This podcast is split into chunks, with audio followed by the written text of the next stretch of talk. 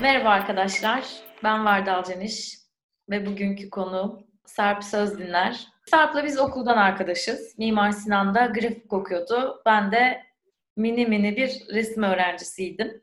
Ve şimdi burada Unkapanı Plakçılar Çarşısı'ndan çıkan albüm kapakları üzerine konuşuyor olacağız. Türkiye grafik tasarım tarihine Unkapanı'nın İMÇ'nin etkisi gibi bir yerden.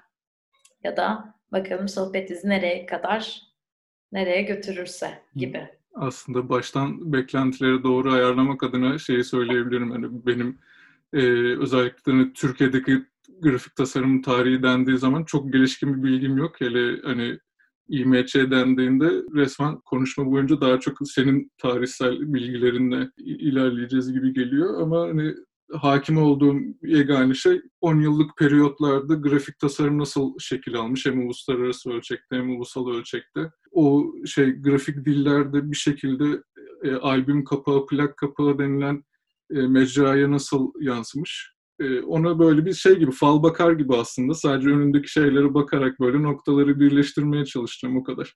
O zaman e, sözü sana bırakıyorum. Ya İMÇ'nin içindeki işte e, onca faaliyetten bir tanesi de bildiğim kadarıyla işte plak şirketlerinin oradaki yatsınamaz varlığı. Plak dendiğin zaman fazlasıyla fiziksel bir şeyden söz ettiğim için onun işte üç boyutlu o fiziksel e, niteliği üstünden de bu sefer bir anlam kazanmaya başlayışı. Biz bu işte mesela bugünün gözleriyle albüm kapağı denilen şeye baktığımızda aklımız hep daha çok iki boyutlu yüzeyleri anlamaya, tanımaya çalışmak şeklinde çalışıyor. Çünkü albüm kapağı denilen şey fazlasıyla buna indirgenmiş durumda, dijitale indirgendiği için.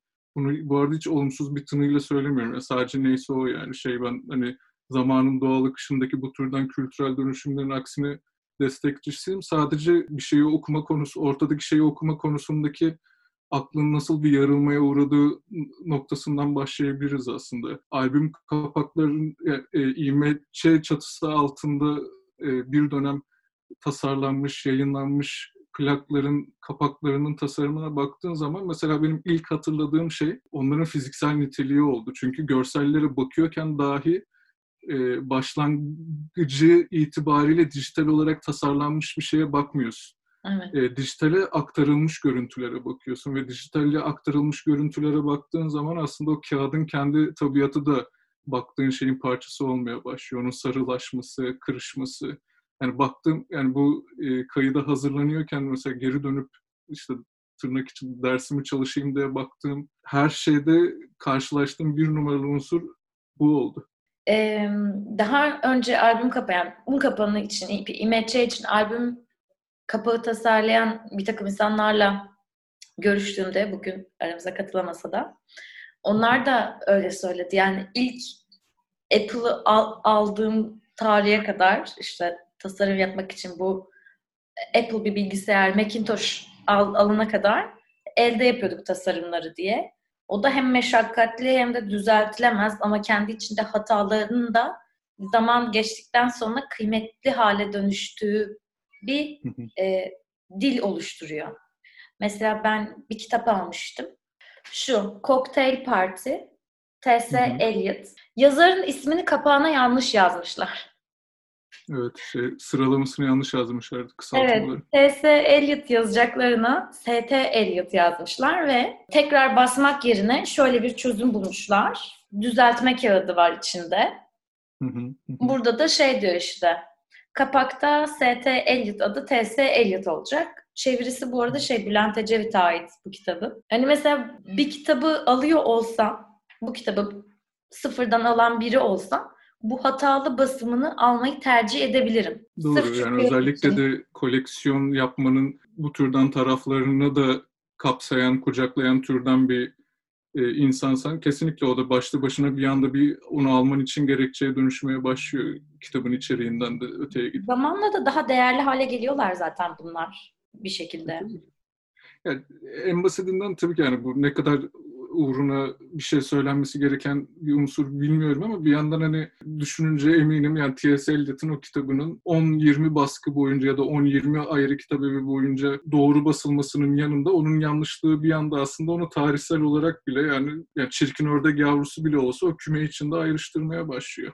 Albüm kapaklarına dair bahsettiğim işte hataların devreye girişi, e, elle yapmanın tabiatına dair unsurların devreye girişi bence şeylerde de hissediliyor. Albüm kapaklarında özellikle tipografik kısımda yani o, o albüm kapaklarının yazıyla kurduğu ilişki noktasında yazıyla kurduğu ilişki derken de işte şeyin sanatçının adının yazılması, albümün isminin yazılması, o dönemin kendi yani şey grafik tasarım henüz sektörleşememiş hatta adı bile belki grafik tasarım olmamış bir noktadayken e, ortadaki o kuralsızlık alanı yani at koşturabileceğin bir alana sahip olmanın getirdiği bir hamle rahatlığı var. Mesela o şey onu dönemin sadece albüm kapaklarında da değil. İşte afişlerinde, kitap kapaklarında vesaire dahi görebiliyorsun yani. Çünkü ortada bir havada asılı duran bir guideline yok. Mesela bugün belli tedrisatlardan geçmiş grafik tasarımcılar olarak şeyi yapmam mümkün değil benim yani.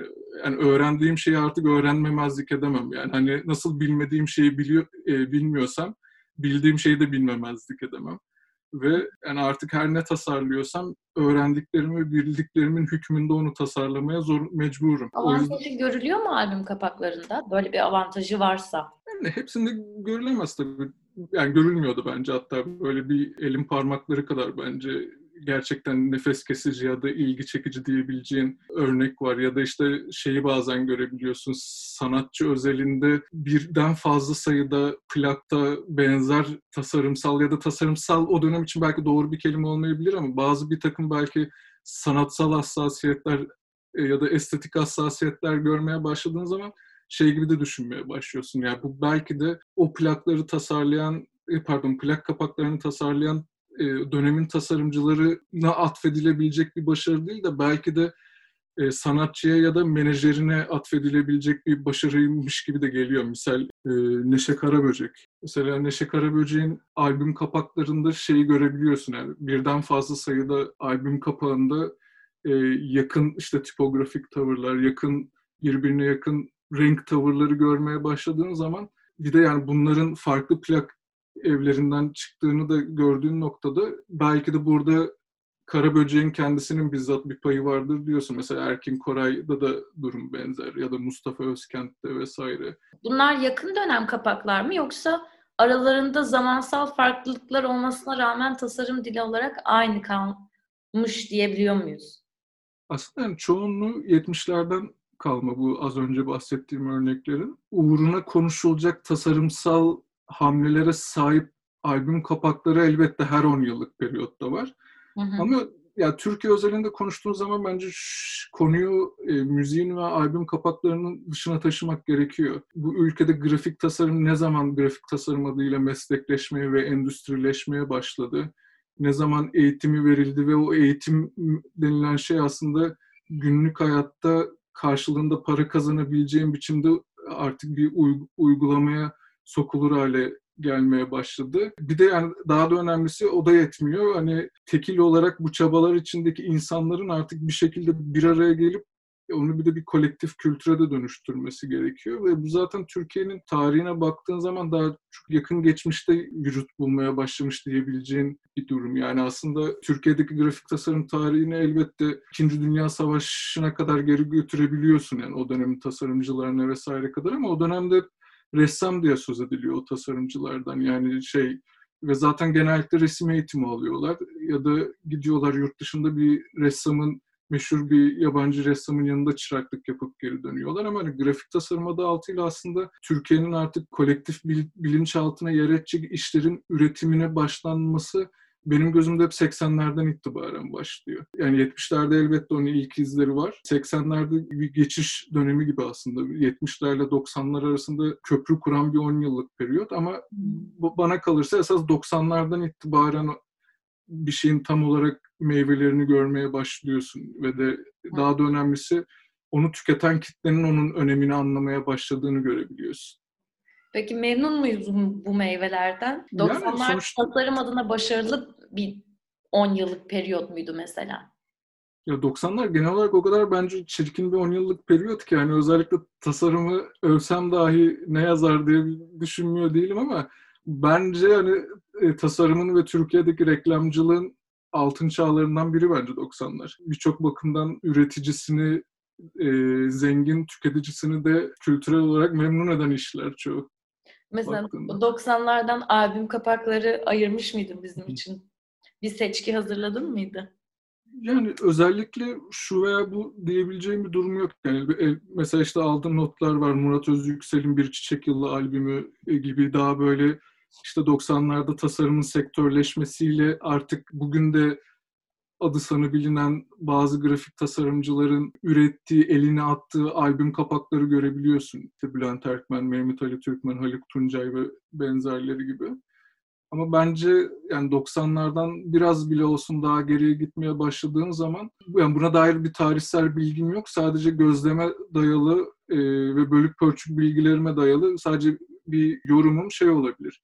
E, daha çok artık e, in-house çözümler yani plak şirketlerinin hemen ulaşılabilir buldukları hemen o el altındaki kişiye gidip ondan rica ettiği e, ya da siparişlediği plak kapağı tasarımları gibi geliyor. Aslında 90'lar belki şeyin de ya da 80'lerin ikinci yarısından itibaren de belki başlatabiliriz onu. Yani bence esas oradaki kırılmalardan bir tanesi işin artık outsource edilmeye başlanması. Yani hani bunun yani grafik tasarımın artık sektörleşmesiyle ve artık bireysel aktörlerin yani ajansların dışında bireysel aktörlerin de devreye girmeye başlamasıyla bence o kişilere dair outsource edilen bir kültürel değişim böyle bir direksiyonun kırma söz konusu. Elbette yani bu hala da o dönem içinde tasarlanan albüm kapaklarının belki uyduruyorum yüzde beşini bile kapsamıyor olabilir de sadece on, onların da artık devreye girmeye başladığını görüyoruz. 90'lar dediğimizde artık plaklar bitmiş, kasetlerdeyiz ve sonrasında da 90'ların sonunda da CD'lere geçiyoruz. Bu arada kaset deyince aklıma geldi. İşte Bulutsuzluk Özlemi'nin, Moğolların bir dönem albüm kapaklarını Bülent Erkmen tasarlıyordu. Hatta hmm. Bülent Erkmen'in çok ikonik bir imgesi vardır şey bulutsuzluk özlemi için yaptığı şey siyah beyaz geometrik köşeli formlardan oluşan bir grubun adı bulutsuzluk özlemi olduğu için ilk bakışta bulut diye yorumladın ama taşa da çok benzeyen zaten tam olarak amacı da bu olan bir imgeye sahip albüm kapakları var. Ee, yani o şey ikiliyi kuruyor bilerek bulut taş ikiliyi. Kasetleri devreye soktuğum zaman Sadık Kara Mustafa da devreye girmeye başlıyor diye biliyorum. Bize bir dönem ondan aldığımız derslerde paylaştığını hatırlıyorum. İlhan Bilgi'yi anımsıyorum sonra. Belirli böyle örneklem grupları oluşturduğun zaman bile aslında belli dokular ortaya çıkmaya, belli aynılıklar, farklılıklar belirmeye başlıyor. Yani şey benim gözümde 70'lerdeki plak kapaklarıyla 90'lardaki mesela albüm kapakları arasındaki başlıca farklardan biri de şey 70'lerdeki hemen hemen her plak kapağı tasarımında kahraman öğe kayıtsız şartsız sanatçının kendisi. Hı hı. Yani bir tek ve bir tek işte psychedelic gibi, elektro gibi daha o dönem için belki yeni sayılabilecek kelimeler devreye girmeye başladığı zaman tasarım kahraman öğe olmaya başlıyor. İşte Uzelli'nin seçkisi, e, Uzelli elektro saz albümü, Uzeyli Saykedelik Anadolu derlemesi, mesela şey işte Mustafa Özkent'in o meşhur Gençlik ile El Ele albümü. Bir de o çok belirli keywordler devreye girmeye başladığı zaman kapağın tasarımı sanatçının ötesine geçmeye başlıyor. Ama onun dışında yani müthiş bir şey dominasyonu söz konusu. Bayağı böyle şey geometrik fotoğraf çek, çektirir gibi sanatçı karşına alıp Hı-hı. hafiften sempatik sayabileceğim bir tebessümle çekip onun çevresini tasarlamak. Yani o bence önemli bir tavır. Hatta çok sıklıkla devam eden bir tavır. Oralara dair hatta böyle tasarım acayipliği hakkında konuşmak istiyorsan tek konuşabildiğin yer gene tipografi, işin tipografik tarafı kalıyor. Yani Ben de şöyle bir şey söyleyebilirim. Çok fazla plak şirketi var. Emlakçılık gibi yani bir tabii bir göz odası olan plak şirketi olabiliyor sonuç olarak parası mukabilinde. O yüzden de çok fazla kaset çıktığı dönem mesela Unkapanı'nın o Haliç manzarası karşısında bir sürü albüm kapağı oluşuyor. Bu bilgiyi de bana Metin Uzelli, Metin Bey söylemişti. Yani te- terasa çıkartıyorlar, çekiyorlar. Aşağıda da albüm kapağı yapıyorlar o fotoğrafı gibi bir seri bir işlem var mesela. Çok hoşuma da gidiyor. Yani ben bir koleksiyoner olsam kesinlikle e, un kapağının terasında çekilmiş albüm kapakları koleksiyonum olsun isterdim. Bunu biriktirirdim yani. Ya zaten o seri üretim halini görüyorsun yani. Bayağı böyle şey e, eminim böyle bir gün kadar kısa sürelerde yapılıyordur. Hatta birkaç saatte yapılıp muhtemelen hemen baskıya girdiği durumlar bile e, olmuştur. Ya bayağı şey e, grafik olarak aynılaşmadan sadece iletişimin dili bakımından tek tipleşme söz konusu o dönemde. Hatta işte az önce e, dediğim gibi yani şey bugünkü tanımladığımız haliyle grafik tasarımdan söz etmek istiyorsan bir tek işin artık yazıyla kurduğu ilişki noktasında konuşabilmeye başlıyorsun. İşte o Aşık Mahsuni Şerif'in sarhoş albüm kapağında şey plak kapağında sarhoş kelimesini oluşturan harflerin böyle sağa sola hafiften rotate ederek yazılmış olması onun da böyle bir hani sarhoş düşünce ya da sarhoş insan görünümü vermeye başlaması ama o gene küçücük yani böyle şey gene sanatçının kellesinin diyeyim yani bence onu bayağı kelle çeker gibi çekiyorlar. O bir, o bir portre fotoğrafçılığı değil bence. Ee, sanatçının kellesinin yerine hemen bitişiğinde böyle de çok küçücük bir ebatta gene yapmışlar o tipografik müdahaleyi ama gene hani orada bir bir akıl çalışmış yani. Mesela sonuçta soruyu tersten soruyorum. O sarhoşu dümdüz sadece katalogdan bir yazı karakteri seçip yazabilirmiş de. Ama o adam yazmamayı tercih etmiş. Bak onda şey kadar basit faktörler bile devreye giriyor olabilir biliyor musun? Ee, bir günü yoktur da tasarımcının artık iki günü vardır mesela anlatabiliyor muyum?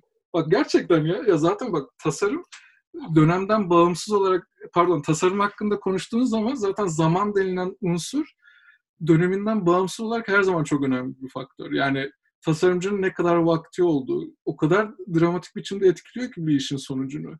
Yani o mesela sarhoş gibi işleri gördüğüm zaman daha çok öyle düşünmeye çalışıyorum. Yani muhtemelen o, o, o durumda tasarımcının normalde olduğundan daha fazla imkanı varmış. Yani o belki o imkan bir iş özelinde zaman unsuru olabilir. Başka bir iş özelinde bilmiyorum belki daha fazla renk basıyor olabilir ya da özel renk basabiliyor ya da o güne dek belki hiç görmemiş olduğu bir yazı, bir yazı karakterini kullan, kullanıyor olabilir. Yani mat, tabii ki yani o dönemde şeyi yatsımamak gerekiyor. Ee, mesela bugünkü yani bugünkü tasarım anlayışında artık tasarımcılar matbaaları dikte ediyor. Ama o dönemde çok eminim ki matbaalar tasarımcıları dikte ediyor. Yani kendi ellerindeki imkanlarla bu kağıt imkanı olabilir. Ellerindeki işte şu font diye tırnak içinde bilinen o kullandıkları harf kalıpları olabilir. Yani sonsuz olasılık yok ki adamların çekmecelerinde ne varsa onu kullanmak zorunda tasarımcı yani. Elle yapmıyorsa bir şeyleri. o dönemlerde aslında şunu söyleyebiliriz belki de tasarım, grafik tasarıma geçişte ki bir basamak olarak tabelacılık. Çünkü tabelacılar var aslında. Grafik tasarım... Tabelacılık bildiğim kadarıyla daha da eskiye gidiyor şeyler sayesinde. Türkiye'deki azınlık grupları vesaire özellikle de hani şey yabancı uyruklu İstanbul'da hatta o bildiğim kadarıyla Tophane e, bölgesindekiler sayesinde falan bayağı aslında böyle hani afiş denilen şeye, albüm kapağı denilen şeye göre çok daha eskiye gittiğini biliyorum ama orada da bir tabii şey var, bir yarık var yani. Tarihsel olarak bir kop kopma var yani. Peki şunu soracağım. Tüm bu tasarım dili oluştururken e, kendi iki boyutlu alanına da bakıyorsun. Üç boyutlu bir şey de öğretiyor olsan. iki boyutlu alanını tasarlıyorsun. Plaktan kasete, kasetten CD'ye, CD'den de şimdi dijital avatarlara geçişte tasarımda büyük ölçekte değişiyor kendi içinde. Yani hani Doğru. plak kare ve büyük bir alanı kaplıyorken kaset küçücük ve dikey bir tasarım yapmaya insanı zorluyor. Sonra CD'ye geçiyorsun. Tekrar daha büyük kare bir alanla haşır neşirsin. Bunlar nasıl değiştiriyor tasarımın dilini? Şöyle bir baktığında belirgin bence bir özellik görebiliyor muyuz? Ya bence dramatik ölçüde değiştiriyordur. Bir kere artık hani plak kapağı dendiği zaman hakkında hiç konuşa yani istesen de teknik olarak konuşamayacağın bir üçüncü unsur devreye giriyor kaset ve CD'den söz ettiğin zaman. O da derinlik yani hani genişlik ve yüksekliğin dışında derinliğin de artık bir ölçüye dönüşmesi ve oradan doğan yüzeyi de tasarlama gerekliliği. Çünkü tasarımdaki kurallar genellikle tasarımcılar belirli dönemlerde bir şeyleri yapmak istediler diye belirlenmiyor. Aslında tamamıyla ellerindeki siparişin kendi fiziksel nitelikleri şeyi belirliyor. O, o işin üretim biçimlerini, üretim süreçlerini kökten etkiliyor. Yani hani bundan kastım ne? Bir şeyin mesela bir nesnenin, bir ürünün yaşama biçimi.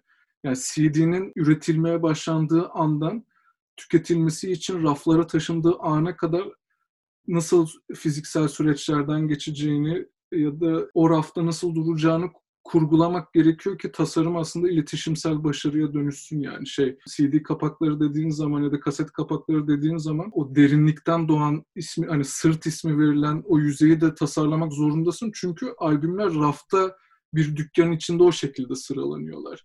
Yani belli bir ölçüde sen CD kapaklarının ya da e, kaset kapaklarının ön kapak yüzeylerini görüyorsun ama bir dükkan içine girdiğin zaman çoğunlukla CD'lerin ve evet kasetlerin yan yana dizilmiş sırtlarını görüyorsun. Dolayısıyla orayı tasarlamak ürünün kendi tabiatından kaynaklı bir, bir mecburiyete dönüşmeye başlıyor. Çünkü onun da bir ticari karşılığı var ister istemez.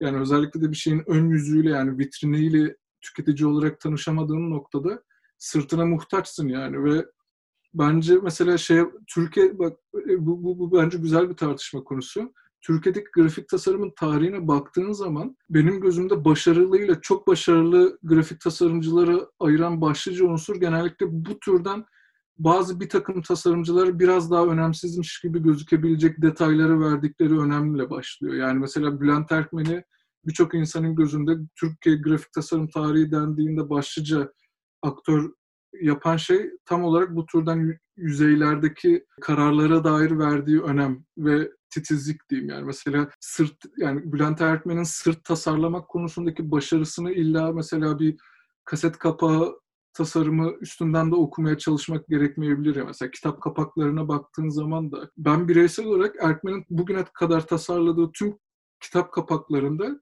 sırtlarına hep ön yüzeylerden daha vurulmuşumdur. Yani çünkü başka hiçbir tasarımcıda görmediğim bir dolu tasarımsal müdahaleyi ben o sırtlarda gördüm. Sırtı da çünkü bizzat o düşünsel sürecin parçası kılar Bülent. Ve dolayısıyla mesela oradan şimdi şeye kaset sırtları ya da CD sırtları dediğimiz o tartışmaya geri bağlamaya çalıştığım zaman eminim onun o dönemde anlamını e, şey pardon önemini anlamış label'lar ve tasarımcılar eminim ama eminim ticari olarak da bence o, o dönemde onun karşılığını görmüşlerdir. Bu kadar etkili olduğunu düşünüyorsun.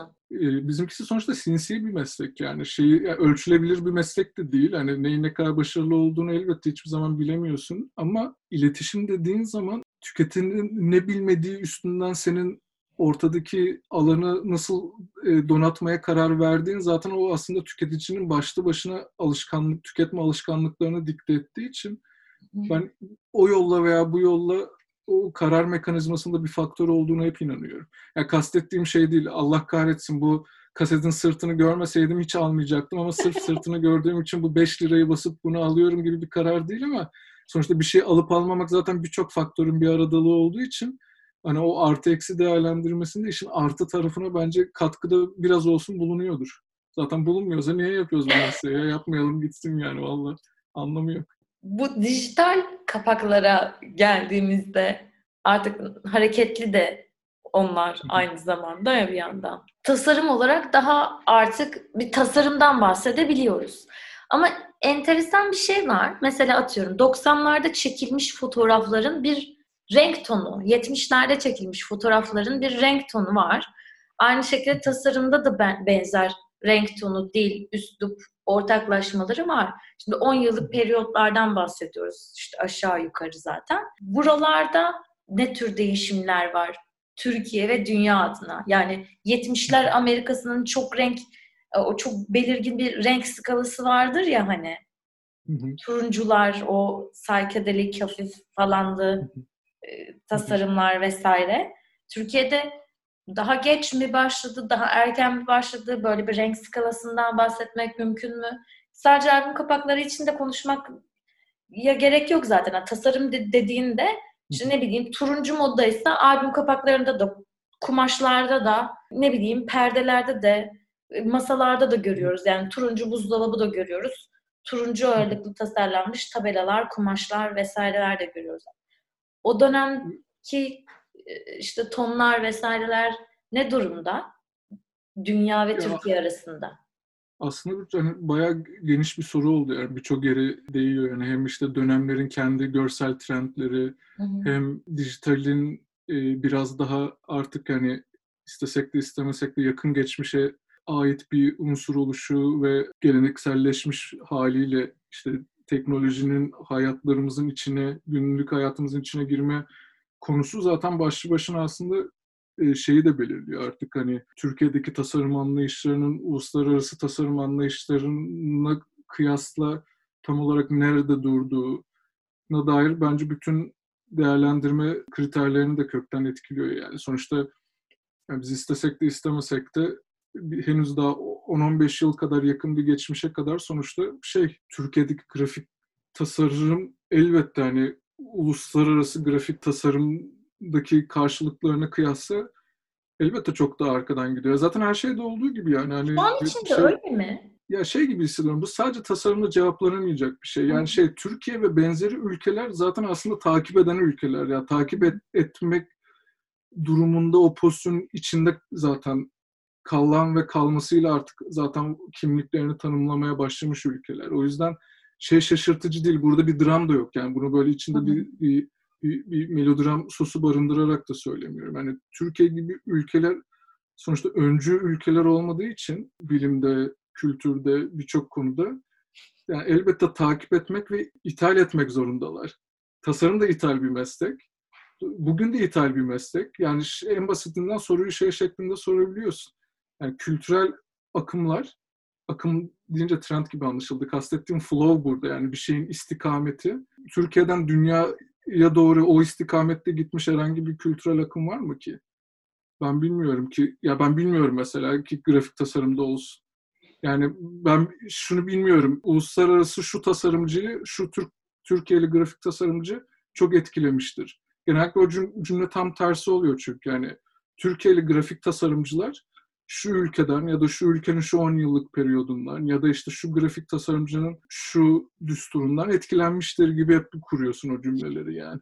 Yani oryantalizm de sonuçta bize pazarlanan bir şey. Çok acı Değil mi? Öyle. Hani bizim kültürümüzü batıdan bakarak bize pazarlamak gibi bir şey değil mi oryantalizm? Yanlış anlamıyorum sanırım. Evet ama ben ben bu arada bizim oryantalizmi çok sevdiğimizi de düşünüyorum. Yani oryantalizm büyük ölçüde Türkiye'de birçok insanın çok işine gelen bir e, öncelikle ticari olarak çok işine gelen bir başlık. Yani hani e, zaten bunu şey hani ne denir? Oto e, oryantalizasyon diyebiliriz herhalde. Yani şeyin kişinin kendi kendine yaptığı belki işte oryantalizasyon diyeyim ya da yani kurumların kendi kendilerine daha baştan e, siparişte yer almamasına rağmen kendi kanıksadıkları bir talep doğrultusunda yani bir dışarıdan attıkları bakışın sonucunda edindikleri kanıyla yani bizden kültürel olarak muhtemelen bu türden bir kültürel ürün üretmemiz talep ediliyordur gibi bir düşünceyle işte baksana mesela bütün şeyleri e, turizm videolarına Türkiye'nin ürettiği iş ya da işte o son dönemde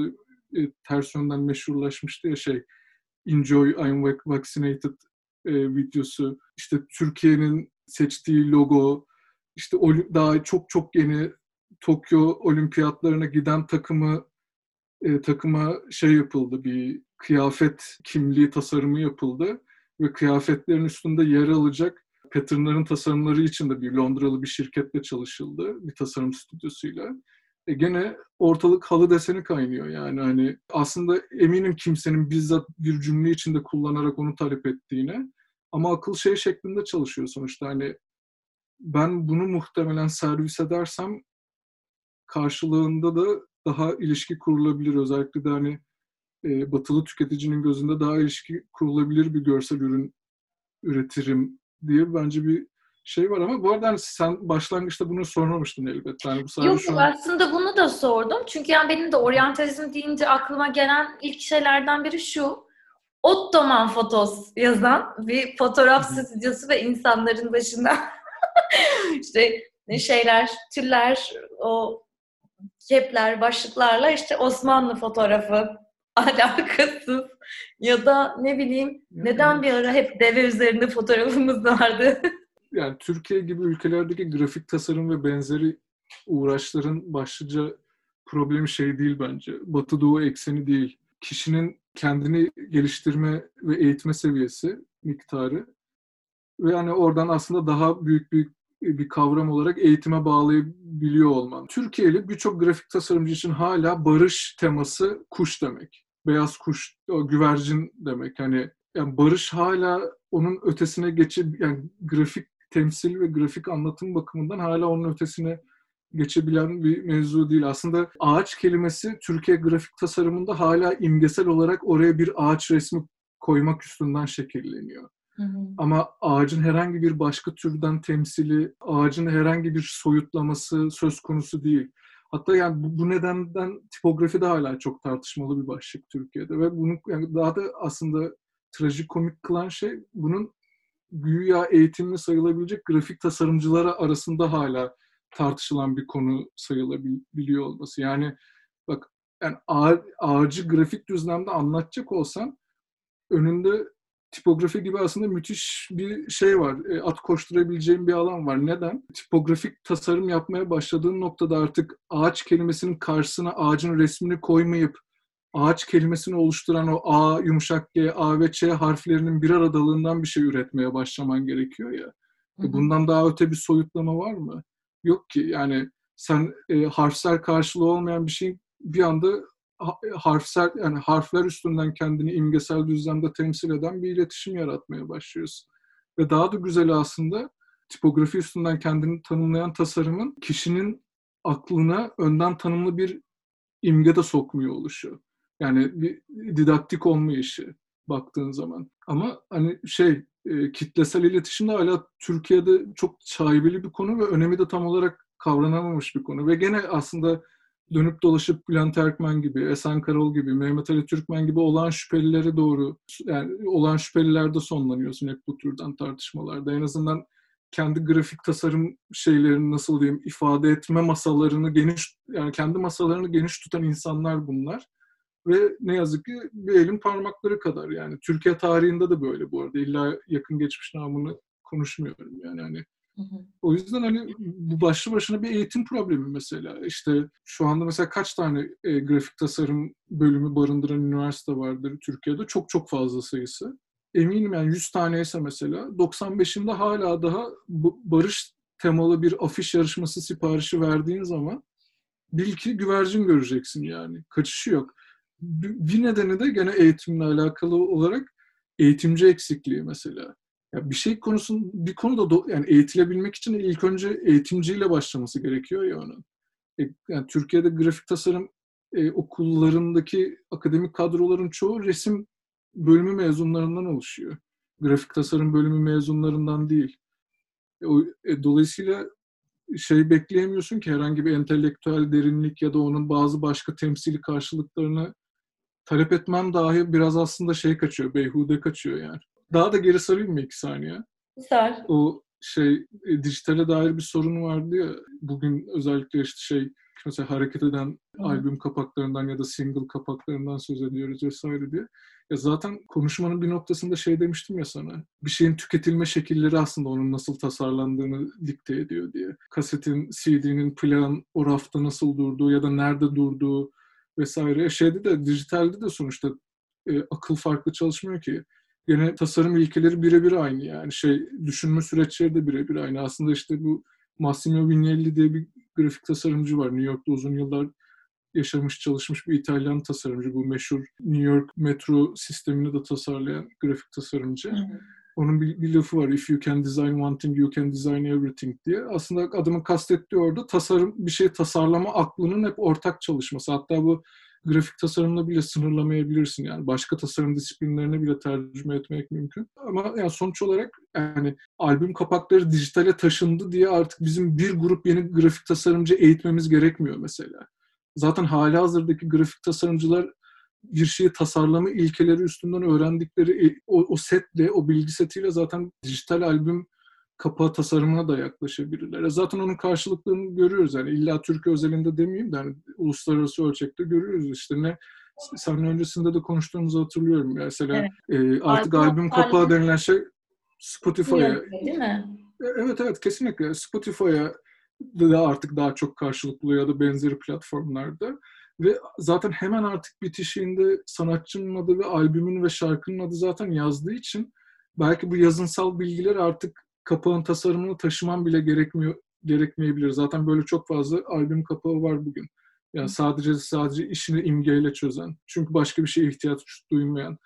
İkinci olarak da şimdi şey çok ilginç bir konu. Bir şeyin yaşama şekli onunla ilişki kurduğun mesafeleri de etkiliyor. Yani bir kitabı eline, eline aldığın zaman ya da plağı eline aldığın zaman ya da bir kaseti eline aldığın zaman onunla ilişki kurduğun mesafeyle dijitaldeki yani ekrandaki bir şeyle kurduğun mesafe iki farklı mesafe olduğu için onun tasarlanma şekillerini de aslında dikte etmeye başlıyor. Yani hatta şey üstünden daha çok bu tartışılabilir. Mesela az önce tam yazıya ihtiyaç duymama halinden söz ettik ama sonuçta o JPEG diyeyim yani o dijital görselin e, Spotify ve benzeri platformlar dışında da kendi kendine yaşamasını ümit ediyorsan sonuçta hala da o görselin yani o tasarımın içine hala yazıyı ekleyebilirsin işte sanatçı adını ve albüm adını. Ama bu sefer onu ekleme noktasındaki kararların farklılık göstermeye başlıyor. Artık çok daha küçük yüzeylerde yer aldığı için o albüm kapak tasarımları e, bir şeyi küçükte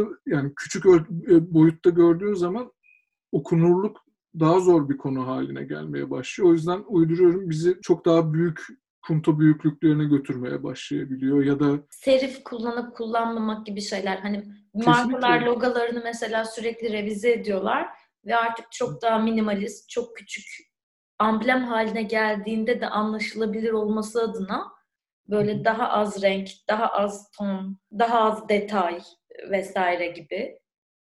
Yani o tabii ki her dönemin, her 10 yıllık periyodun kendi şeyleri var, eğilimleri var elbette ama bir yandan tabii böyle şeylerde genelleme yapabilmek için o kadar geniş bir örneklem grubu ki bu.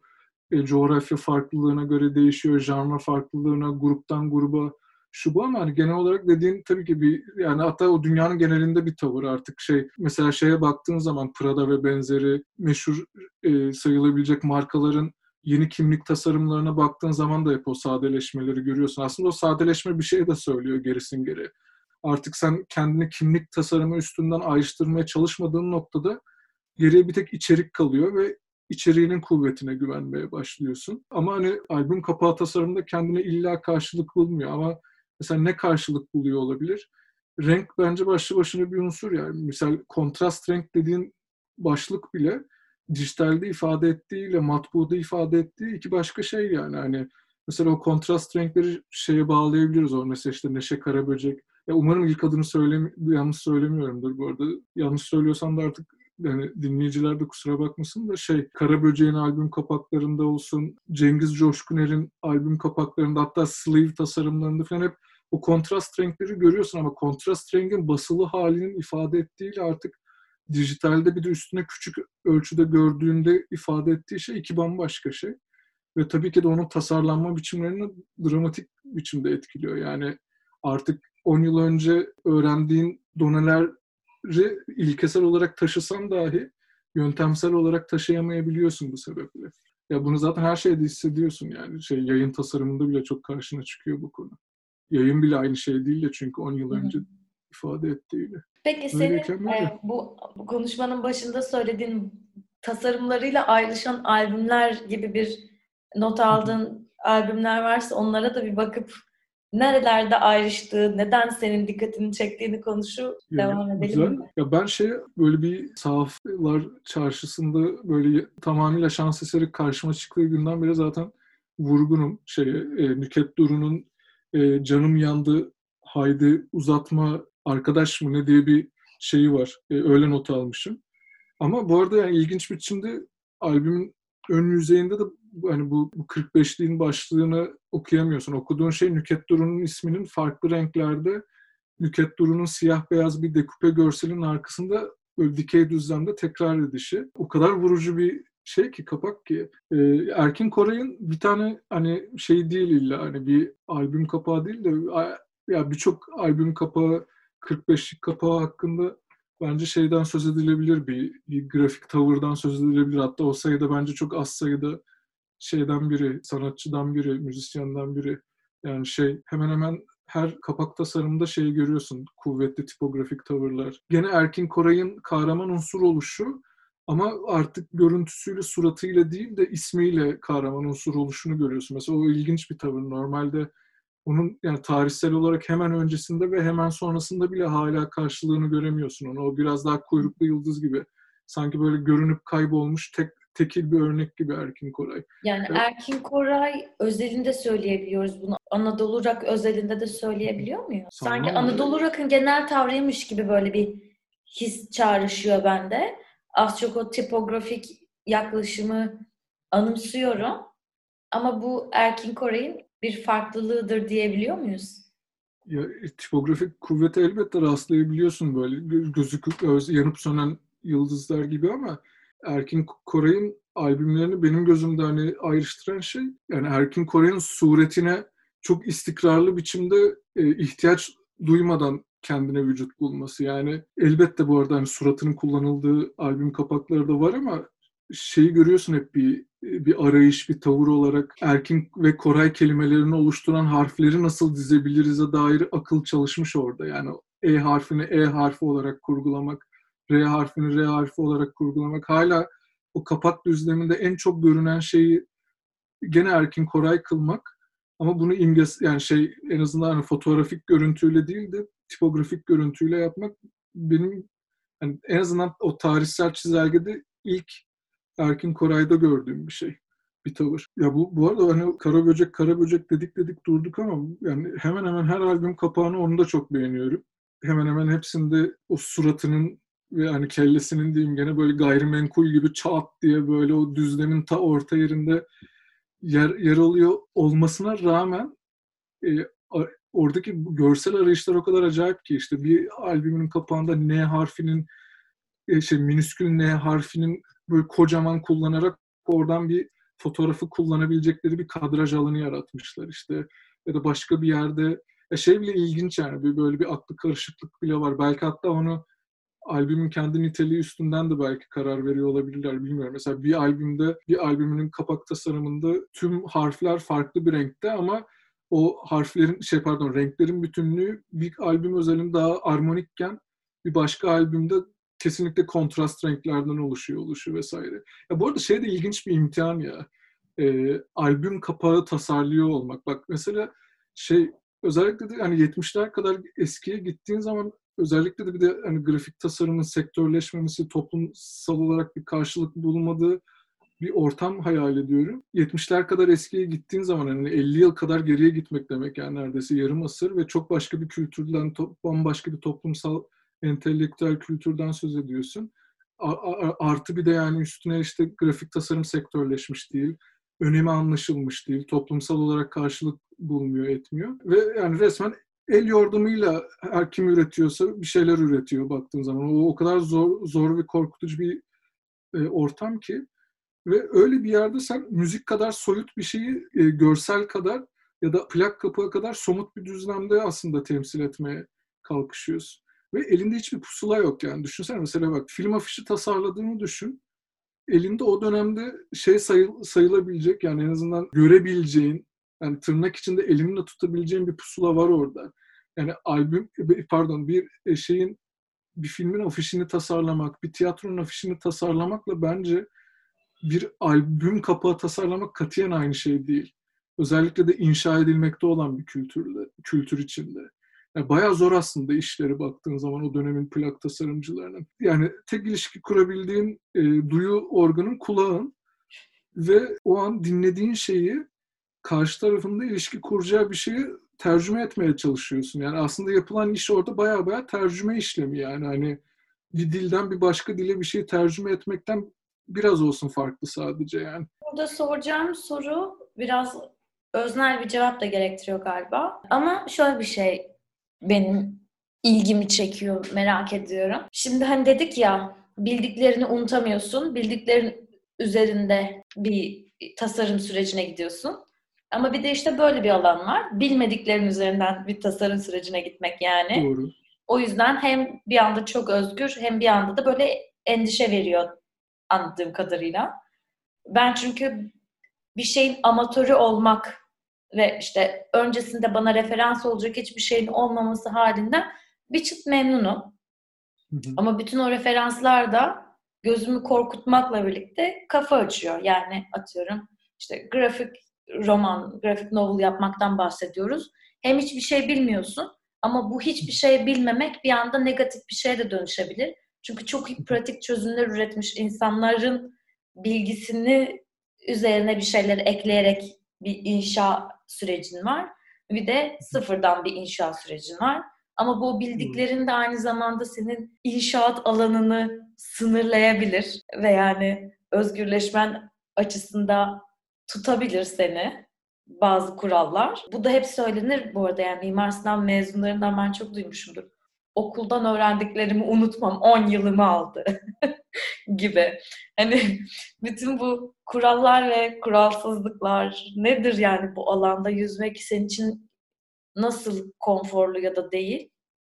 Çünkü öznel bir şey olduğu için senin için diye soruyorum. Ee, hem yani güzel bir soru. Ben de bence yani e, birçok dönemde, birçok ülkede de bence kendine karşılık bulabilecek türden bir soru. Çünkü bu, bu türden konular bence küresel ölçekte ortak kaygılar gibi geliyor. Yani bilmiyorum açıkçası hani bu türden soruların cevabının takibini yapmak çok zor. Çünkü hani bir şeyin nerede başladığını, ya senin için nerede başladığını, nerede bittiğini tam olarak kestiremiyorsun ya da neyin hangi gerekçelerle kaynaklandığını ve kaynaklanmadığını, hangi faktörlerin bir aradalığından belli adımlar attığını ya da atmadığını bilemiyorsun. Eğitimin parçası olmak da eğitimi unutmak da bence okuldan sonra başlayabileceğim bir şey değil yani.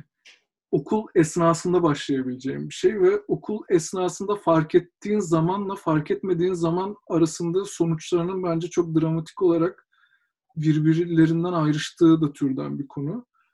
Yani bu biraz şeye benziyor. Lars von Trier'in bir lafı var ya ben okul sayesinde değil okula rağmen başarılı oldum diye. Onu doğru anlamak gerekiyor bence. Orada illa ve illa okul denilen o didaktik yapıya dair böyle bir illa bir anarşist bakış yok yani. Elbette o da var yani. O da onun o cümlenin bir parçası ama orada şey de var. Öz farkındalık diyeyim buna şimdilik. Yani böyle dönemin popüler baş, şeyiyle, terimiyle. Ya öz farkındalık bence okulun ilk gününden, yani ilk günlerinden başlaması gereken türden ama genellikle de başlamayan, birçok kişi için başlamayan bir konu. Ya zaten okulun içindeyken de bence kendine hangi bilgiye maruz bırakıp bırakmayacağını kendi kişisel süzgecinden geçirmen gerekiyor. Çünkü her bilgi yararlı bilgi değil, her bilgi doğru bilgi değil, her bilgi tercüme edebileceğin bir şey bilgi değil. Daha da önemlisi öyle olması gereken türden bilgiler de değil bunlar. Yani çünkü okul başka bir gezegen, gerçek hayat başka bir gezegen belki orada beklentileri doğru ayarlamak gerekiyor. Yani hani bizim belki de yaptığımız başlıca hatalardan bir tanesi şey okuldaki bu bilgi setini şu anda alıyorum. Çünkü ben bunu okulun bittiği ilk günden itibaren hayatıma uygulayabileceğim gibi bir böyle bir yanılsamayla yaklaşmak. Aslında okul bu yüzden yok yani. Okul sadece ve sadece bir eşlikçi yani sana bir bir konteks yani bir, bir bağlam vermesi için var. Bu şey gibi. Yani mesela şeyde hayal et kendini. Bir böyle bir denizin kenarında iskelenin ucundasın mesela. Denize bakıyorsun. Şimdi mesela o güvenlik dubaları vardır ya. Şimdi güvenlik dubalarının varlığı senin için uzağın ne kadar uzak olduğunu söylüyor aslında. Yani o how far is too far diye bir soru vardır ya İngilizce'de. Yani benim için bir şeyin uzak olduğunu belli eden o, o ölçek, o ölçü ne yani, o kriter ne? Okul aslında sana sadece ve sadece bir kriter sunuyor. Ya da işte sürekli kuzeyin nerede olduğunu anlamak için gökyüzünde kutup yıldızını aramak gibi. Yani sana sadece bir bir bağlam veriyor ve sen onun etrafında sadece ve sadece e, eylemlerini şekillendiriyorsun. Ya bu Ama sen... varlığı selfie diyelim. Bu selfie'ni de bulmak 18 yaşında o kadar kolay olmuyor herkes için. Kesinlikle bence de e, yani imkansız hatta yani 18 dediğin şey bir yaş zaten kişinin kendi duygusal ve düşünsel gelişimin tamamlam yani imkanı yok tamamlayamayacağı bir yaş. Rastlantıları çok bakıyor zaten bu konu. Her hemen hemen her şeyde olduğu gibi yani hani bunun ne kadar erken farkında olmaya başladığın bence hayatının sonraki dönemini şey yapıyor, dikte ediyor ama belki hani yani bizim daha geniş konumuz olan bu hani albüm kapakları ve işte bahsettiğin o hani bilmek ve bilmemenin bir şeyin üretim süreçlerine ne kadar etki ettiği noktasını aslında o işin üreticilerine sormak lazım. Belki de çünkü hiç umursamıyor da olabilirler. Biz yani şey bugünün güncel kaygılarıyla o, o güne geri dönüp değerlendiriyoruz ama şu anın kaygıları o dönemin kaygıları ve kriterleri olmak zorunda değil yani. Bambaşka bir toplumsal kültürden söz ettiğinizi hatırlamak gerekiyor tekrar tekrar. Yani belki de o IMÇ'deki o adam için, e, un kapanındaki o adam için bu belki hiç bir saniye bile üstüne düşündüğü bir konu değildir. Artı bir de şey faktörü de var. Bu belki çok daha önce sorduğun hani uluslararası, ulusal kıyasına dair şeyi de cevaplayabilir. Eminim o dönemde çok Arak da vardır her, her konuda olduğu gibi. Yani sonuçta şey Arak derken bunu illa ve illa hani tukakalamak gibi söylemiyorum. Yani şey, şey ben Arak'ın da kültürel gelişimin ve dönüşümün çok önemli bir araç gereci olduğunu inanıyorum yani. Bu Arak meselesi de fazla abartılıyor olabilir. Atıyorum Ajda Pekkan şarkıları yurt dışından aranje edilmiş parça olarak çok sevilen ve Ajda Pekkan'ı Ajda Pekkan yapan şey bütün bilinen, sevilen şarkılara sonuçta aranjman. Yabancı bir müzik üzerine Fikret Şeneş'in yazdığı sözler. Benzer bir dil, tavır, işte görselde olduğunda Arak olarak mı değerlendiriliyor? Yani o şablonu sen tasarımına yedirdiğinde bundan araklanmış bir iş gibi algılanıyor olmasını nasıl değerlendirmemiz lazım? Ya bu benim tartışmayı çok sevdiğim bir konu ama çok çok geniş ve uzun bir konu bir yandan ama belki hani nasıl kısalaştırabilirim kendi adıma. Ya şöyle diyeyim.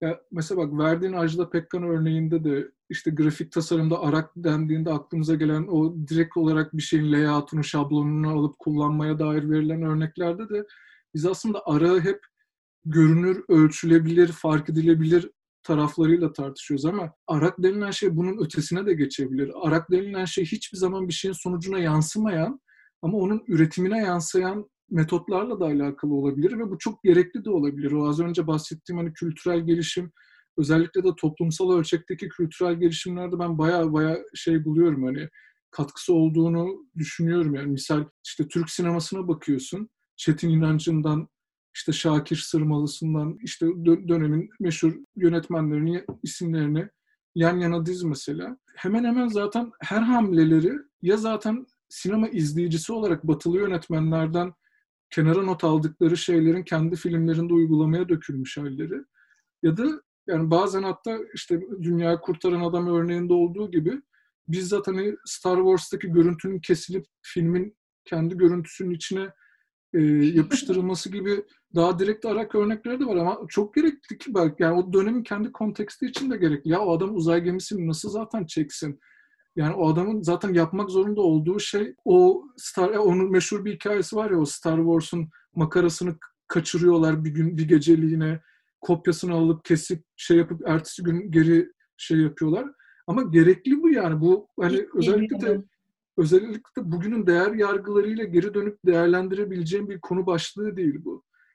Özellikle de bir de bunların yani kültür dediğin zaman özellikle Türkiye'de kültür yani kültür sanat üretimi dediğin zaman e, önceden de konuştuğumuz gibi daha ithal şeyleri yöntemlere bel bağlayan, mecbur kalan ülkelerde zaten Arak nasıl olmasın yani. Arak denilen şey de böyle durumlarda öğretim öğrenim sürecinin önemli bir parçası. Bir de bir tarafı daha var bunu. Hani bu illa Türkiye ve benzeri ülkeleri de sınırlayabileceğim bir şey de değil, evet. bir davranış biçimi de değil.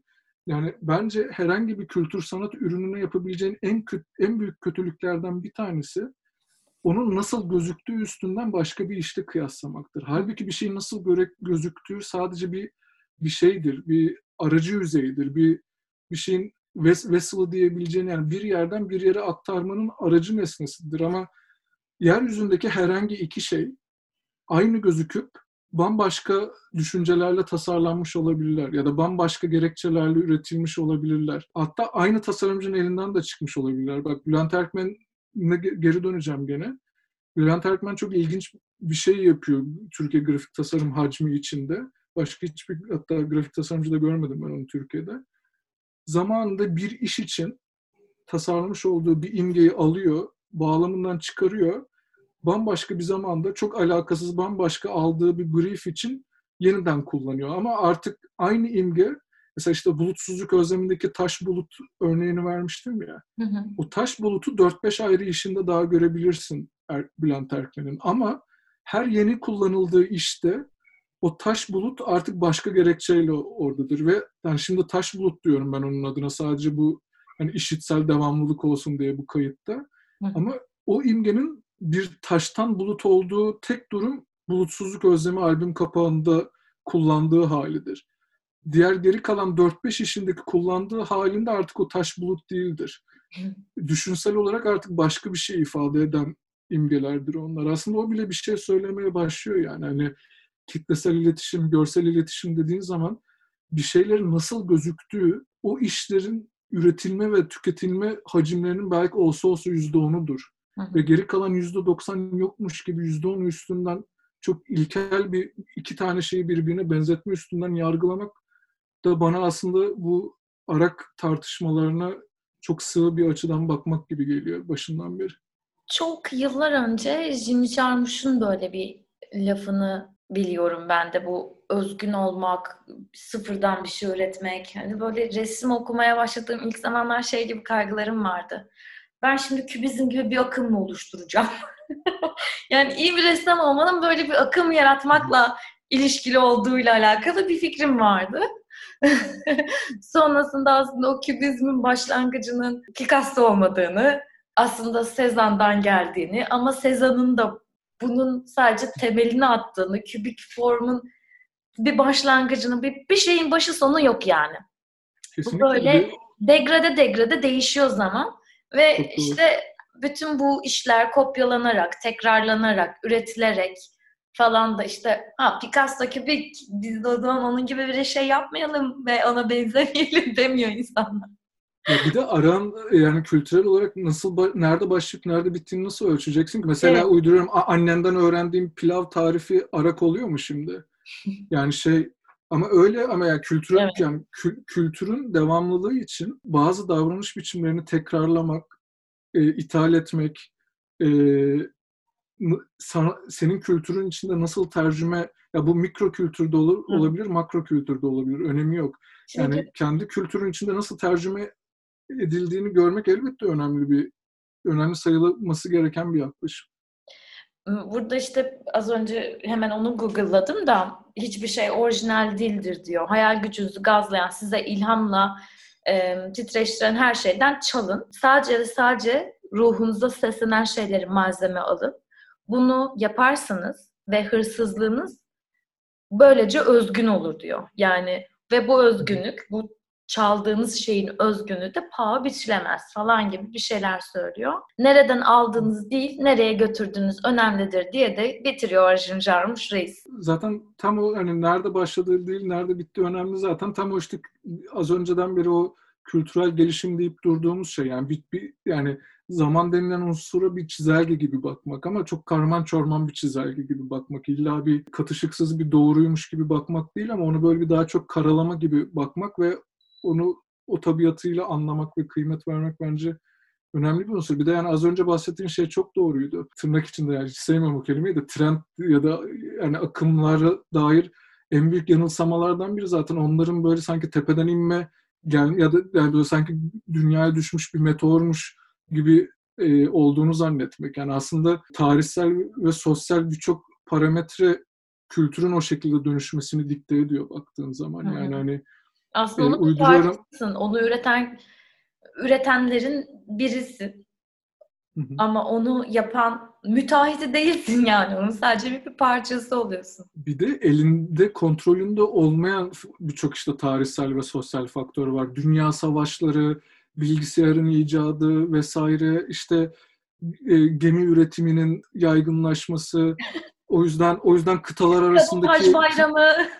Hayır ama bak çok ciddi bir şey söylüyorum. Ya, kıtalar arasındaki değiş tokuşun yaygınlaşmaya başlaması, Afrika'daki bir şeyin artık Amerika'ya çok daha kolay ulaşabiliyor oluşu, Avrupa'ya daha kolay oluşuyor, ulaşabiliyor oluşu, işte endüstri devrimi vesaire. Hani 80'lerdeki grafik tasarım hakkında konuşuyorken e, Macintosh'un icatı hakkında konuşmamak mümkün mü? İmkanı yok ki. O onu dikte ediyor. Tam tersi değil yani. Hani böyle bir grup e, grafik tasarımcı el ele tutuşup hadi biz akım üretelim demiyor ya da bir grup ressam el ele tutuşup biz adı yani grunge mesela o, o kişiler Seattle'da canları toplanmak istediği için punk rock CBG bizde ya da Londra'da kraliçeye sırf itiraz ettiğin için hani e, olmuyor yani birçok faktörün onu oraya götüren işte yok dünya savaşları, fakirleşme, orta direğin zenginleşmesi, onun kültürel sonuçları, sanatsal sonuçları böyle o yüzden daha demin şey diyordum. O, o, o tarihsel dönüşümü böyle bir doğru gibi anlamamak gerekiyor. O bayağı böyle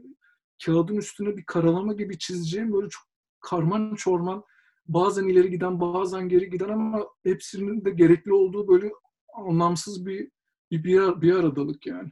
Ve hepimiz zaten onun sonuçlarını yaşıyoruz. Üretiyorken de tüketiyorken de. El sıkışma emojisi koyuyorum buraya. Evet. Çalmak iyidir diyerek konuşmamızı bitirelim mi? Yani gereklidir diyeyim illa yani dö- durumuna göre ge- durumuna dönemine göre gereklidir diyeyim ya. Vallahi. Eklemek bunu, bunu istediğim- ölene ölene kadar da tartışırım bu konu hakkında bu arada. Bu Benim konu hakkında çok kuvvetli daha da daha da paylaşamadığım bir dolu da unsuru var yani. De neyse şimdi. Bir, bir, bir, bir bu kadar daha uzar şimdi bu kayıt. Ona başlarsak yani. Yer yer Rum kapanını konuştuğumuz ama genel olarak tasarım konuştuğumuz podcast yayınımız bitmek üzere gibi diyebiliriz. Evet. İyi o, O zaman. zaman çok teşekkür ederim Sarp. Ben de teşekkür Hoşuma ederim. gitti bu konuşma. Teşekkür ederim davet ettiğin için. Ben Ee, teşekkür ederim kabul edip geldiğin için. dinleyenlerden de artık özür dileyim. Bu kadar yani upuzun böyle bazen bir de ben konuşuyorken böyle uzay boşluğunda sürüklenip giden bir balon gibi oluyorum. Böyle patlayana kadar böyle gidiyor balon. Artık onu tutan elde olmayınca o balonu böyle sürüklenip gidiyorum. O yüzden eğer takip etmesi zor bir tüm doğmasına sebep olduysak olduysam özür dilerim her şey. Benim için çok keyifliydi kendi adıma konuşmam gerekirse. Tamam. Ben dinlediğim şeyden memnun kaldım. Teşekkür ederim valla. Çok mutlu memnun oldum bunu duyduğuma. O O zaman zaman hoşçakalın.